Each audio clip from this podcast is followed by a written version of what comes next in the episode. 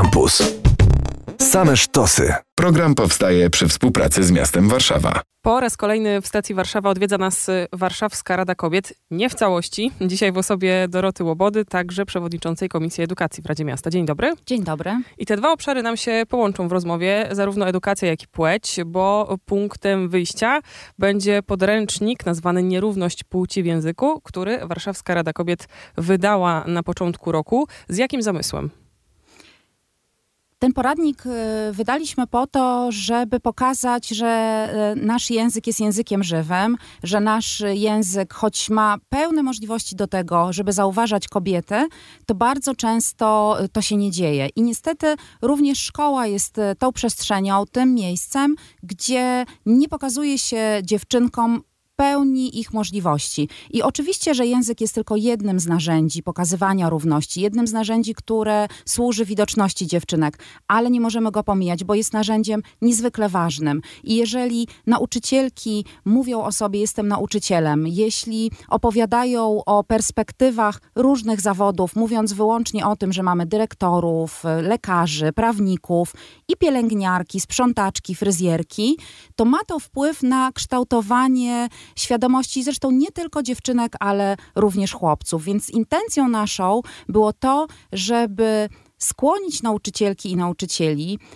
do tego, żeby używali języka równościowego, żeby nie bali się feminatywów, bo choć z naszej perspektywy rozumiemy umowę społeczną, która mówi o tym, że słowo nauczyciel, czy słowo dyrektor, czy słowo prezydent obejmuje obie płcie, to z perspektywy siedmiolatka, czy też siedmiolatki to wygląda zupełnie inaczej. Jest na to mnóstwo badań, co rysują dzieci na hasło narysuj naukowca i dlaczego to ważne, żeby jednak ten język różnicować.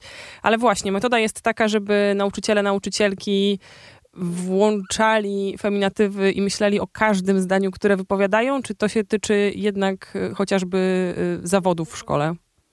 To się tyczy przede wszystkim e, tego, żeby zrodziła się taka refleksja w nauczycielkach i nauczycielach, że to jest ważne. My nie chcemy im nic narzucać. Ja też e, sama, choć zawsze używam feminatywów i choć bardzo dbam o ten równościowy język, to nie poprawiam nikogo i nie narzucam nikomu swojego zdania. Mam y, głębokie przekonanie, że tylko poprzez używanie, tylko poprzez y, powszechne stosowanie y, tych żeńskich odpowiedników stanowisk, języka pokazującego e, różnorodność, e, będziemy w stanie wpłynąć na to, żeby inni też tego języka używali. I tutaj powiem, że nasz poradnik ma już niewielki sukces e, na tym polu i to bardzo nieoczywisty, bo w proteście wobec tego poradnika członkinie Konfederacji napisały list do prezydenta Trzaskowskiego, w którym mówią o tym, że ten poradnik to jest ideologizacja i że jest wymysłem lewicowych radykałek i perfekcyjnie użyły feminatywu od słowa radykał, więc to pokazuje, że y, używanie y, feminatywów y, i dobry przykład, jaki dajemy, wpływa też na środowiska, które mm, wydają się e, tego, temu językowi równościowemu niechętne. Ale chciałabym też wrócić do tego, co pani powiedziała o tych e, naukowcach i naukowczyniach. Otóż rzeczywiście nasz poradnik pokazuje wyniki badań e, i to jest, i, i to pokazuje bardzo obrazowo, kiedy małym dzieciom mówi się o tym, żeby narysowały naukowca, w 100% praktycznie rysują mężczyznę, bo słyszą słowo naukowiec. Kiedy powie się rysuj naukowca lub naukowczynię, Oczywiście okazuje się, że mniej więcej połowa rysunków to są rysunki przedstawiające kobiety. Podobnie jeśli powiemy, narysuj osobę zajmującą się nauką. Wtedy nie ukierunkowujemy tych maluchów na płeć, tylko pokazujemy taką otwartość i one też ze swoimi otwartymi umysłami widzą, że naukowcem i naukowczynią mogą być osoby o, obu płci. A to bardzo ważne, kiedy mówimy do bardzo małych ludzi, dziewczynek po prostu. E, zaczepiłabym się jeszcze przy słowie poradnik, e, to w odpowiedzi też na ten apel, które, e, który został skierowany, że to nie jest zmiana prawna, prawda? To jest po prostu sugestia czy propozycja, żeby taki język stosować w warszawskich szkołach. To jest sugestia i propozycja. Ten poradnik z jednej strony pokazuje, dlaczego to jest ważne, dlaczego to jest ważne we wzmacnianiu dziewczynek, dlaczego y, jeśli będziemy mówić językiem równościowym, to pokażemy dziewczynkom różne perspektywy i będą wiedziały, że mogą być kim chcą. Mogą być fryzjerką i pielęgniarką, ale mogą być też chirurżką, mogą być architektką, mogą być naukowczynią, a nawet prezydentką. I to jest y, jeden element tego poradnika, a drugi jest taki czysto językoznawczy, gdzie Jolanta Szpyra-Kozłowska, jedna z z współautorek poradnika pisze o tym, jak te wypowiedzi równościowe, jak ten język równościowy tworzyć, żeby on nie był sztuczny, żebyśmy ciągle nie powtarzali na przykład uczennice i uczniowie. E, pokazuje takie przykłady, jak budować nie wiem, chociażby komunikat y, w mediach społecznościowych. Szkoły często publikują różne rzeczy w mediach społecznościowych i y, ja zachęcam do przejrzenia tych komunikatów na Facebooku, gdzie mamy y, opisane uroczystości szkolne, w których uczestniczył dyrektor, uczniowie, nauczyciele, prezydent, burmistrz, prezes fundacji, a potem okazuje się, że co najmniej połowa, albo nawet więcej, bo środowisko oświatowe jest mocno sfeminizowane, e, uczestniczek e, to były właśnie kobiety, ale w żaden sposób nie zostało to odnotowane w tym komunikacie. I warto o tym pamiętać i ten poradnik pokazuje też, jak możemy to robić. Może wszystkiemu winien ten Dzień Nauczyciela, zapisany z dużej litery jako nazwa święta.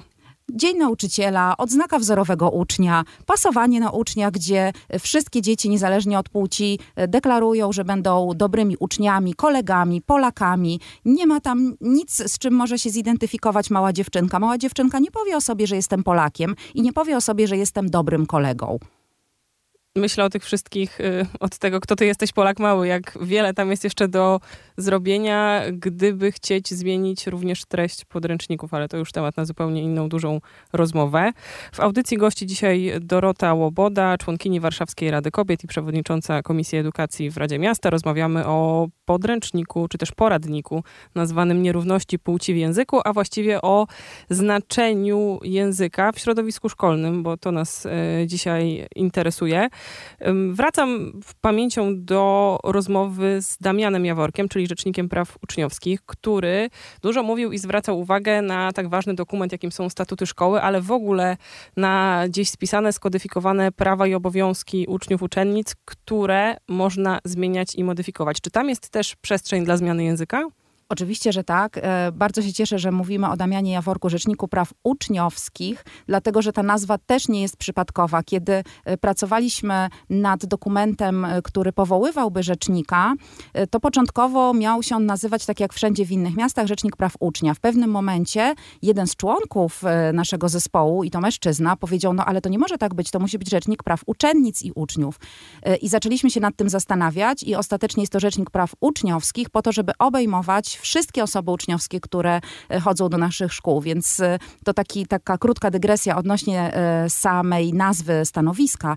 Natomiast tak, statuty są polem do pracy, są polem do działania rzecznika. Rzeczywiście Damian Jaworek przygląda im się bacznie również z uwagi na wszelkie aspekty równościowe. Te statuty nie tylko bardzo często, czy też przeważnie, muszę powiedzieć, pisane są językiem nierównościowym. One mówią wyłącznie o uczniach, o nauczycielach, tam e, perspektywy płci w zasadzie nie ma, a jeśli jest, to niestety jest w sposób dyskryminujący, bo jest tam mnóstwo zapisów mówiących o tym, czego dziewczynka nie może robić, że nie może farbować włosów, że nie może malować paznokci, że nie może nosić krótkiej spódnicy, że strój galowy to musi być spódnica, a nie spodnie. To są takie rzeczy, które nie powinny się znajdować w statutach szkół. One, te statuty nie powinny w żaden sposób żadnej z płci dyskryminować, a często takie zapisy tam się znajdują. Więc poza różnymi innymi zapisami, które również e, powinniśmy, którym również powinniśmy się przyjrzeć, to te e, w których e, przyjrzymy się pod kątem równościowym, też są niezwykle ważne i też leżą w polu zainteresowań naszego rzecznika. Gdyby okazało się, że w którejś z warszawskich szkół ten język jest aż takim punktem spornym, to droga rzeczywiście prowadzi do Rzecznika Praw Uczniowskich, żeby te sprawy rozwiązać? Tak, oczywiście, aczkolwiek społeczności szkolne mogą samodzielnie podejmować pracę nad statutami, dlatego że to leży w ich kompetencjach. Oczywiście to Rada Pedagogiczna ostatecznie uchwala statut, natomiast y, wnioski o zmiany mogą płynąć od uczennic i uczniów, mogą płynąć ze strony rodziców, więc jeżeli y, ktoś widzi, że jego statut w jego szkole y, jest nierównościowy, albo też znajdują się w nim różne inne zapisy, z którymi ta osoba się nie zgadza, to warto zacząć od próby zmiany samodzielnie w swojej szkole, a jeśli e, ta droga okaże się zamknięta, no to zwrócić się do Rzecznika Praw Uczniowskich, choć my e, jako władze Warszawy planujemy stworzyć takie wzorcowe statuty, żeby szkoły, jeśli będą chciały coś zmienić w swoim statucie, to miały dobry przykład, miały dobry wzór, z którego mogą skorzystać w całości, który mogą ewentualnie modyfikować, z którego mogą zaczerpnąć tylko wybrane elementy, bo y, bardzo zależy nam na tym, żeby nasze miasto, choć jest otwarte i różnorodne, y, było jeszcze bardziej równościowe. Poradnik y, skierowany do, wyobrażam sobie, kadry, dyrektorów, dyrektorek, nauczycieli, nauczycielek. Y, czy jest jakiś dalszy etap tej językowej edukacji ze strony Warszawskiej Rady Kobiet? Myślę o rodzicach albo innych osobach zaangażowanych w społeczności szkolne. Tak, po pierwsze będziemy robić e, warsztaty i webinary dla nauczycielek i nauczycieli. Wiem już o tym, że niektórzy dyrektorzy czy też dyrektorki w swoich szkołach przeprowadzili warsztaty dla swoich rad pedagogicznych ale też e, proponujemy działania skierowane do uczennic i uczniów. Już wkrótce ogłosimy konkurs na działania artystyczne związane z językiem równościowym. To będzie mogła być praca plastyczna, ilustrująca e, równość w języku, czy też e, użycie feminatywów, czy też zawody, które wykonują kobiety. No tutaj pole jest naprawdę olbrzymie. To może być krótki filmik, to będzie mógł być reportaż, to będzie mogła być krótka wypowiedź, po to, żeby też zaangażować uczennice i uczniów, żeby też pokazać im, że oni też e, mogą e, zawalczyć o to, żeby, żeby ten język szkolny zauważał zarówno dziewczynki, jak i chłopców. No i oczywiście e, rodzice, którzy są pewnie najtrudniejszą grupą, ale tu też, jeżeli, jeżeli nauczycielki i nauczyciele choćby podczas zebrań szkolnych, czy choćby podczas komunikatów, które wysyłają poprzez dziennik elektroniczny, będą ten język równościowy stosować, to na pewno też e, rodzice będą się do tego przyzwyczajać i, e, i też e, będą sami stosować obie formy, czyli uczennice i uczniowie, czy też nauczycielki i nauczyciele i nie będą, choć częściej to się zdarza nauczycielkom, mówią, które mówią o sobie jestem nauczycielem. Ja raczej i jak słucham innych rodziców, kiedy mówię o szkole moich córek, to mówię nauczycielka mojej córki, jeśli to jest kobieta. A czy w poradniku jest e, przestrzeń na jeszcze inne formy niż feminatywy i maskulatywy? Myślę o osobach, które się nie identyfikują z żadną z płci.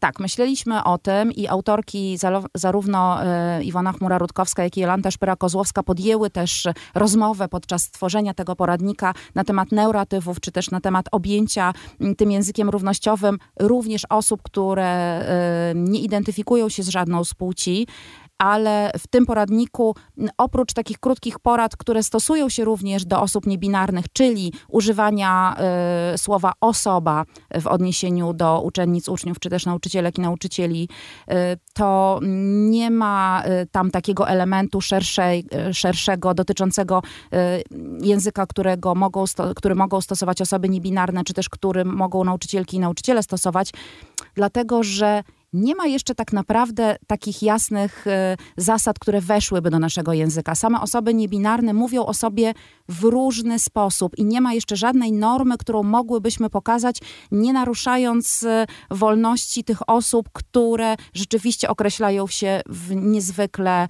e, różny sposób. I ten poradnik ma też na celu uwrażliwić nas w ogóle na język i też pokazać, że on może być z różnej perspektywy widziany i też powinniśmy się otwierać również na język e, neutralny płciowo, na język, który będzie inkluzywny także wobec osób niebinarnych. Dzisiaj w ogóle nie mówimy o tym, jakie ma to znaczenie, uznając, że to już trochę oczywiste i przedyskutowane, ale e, gdzie odsyłamy tych, którzy chcieliby do poradnika zajrzeć, bo to nie tak, że tylko y, osoby nauczycielskie, może tak powinnam powiedzieć, mają dostęp do tej treści.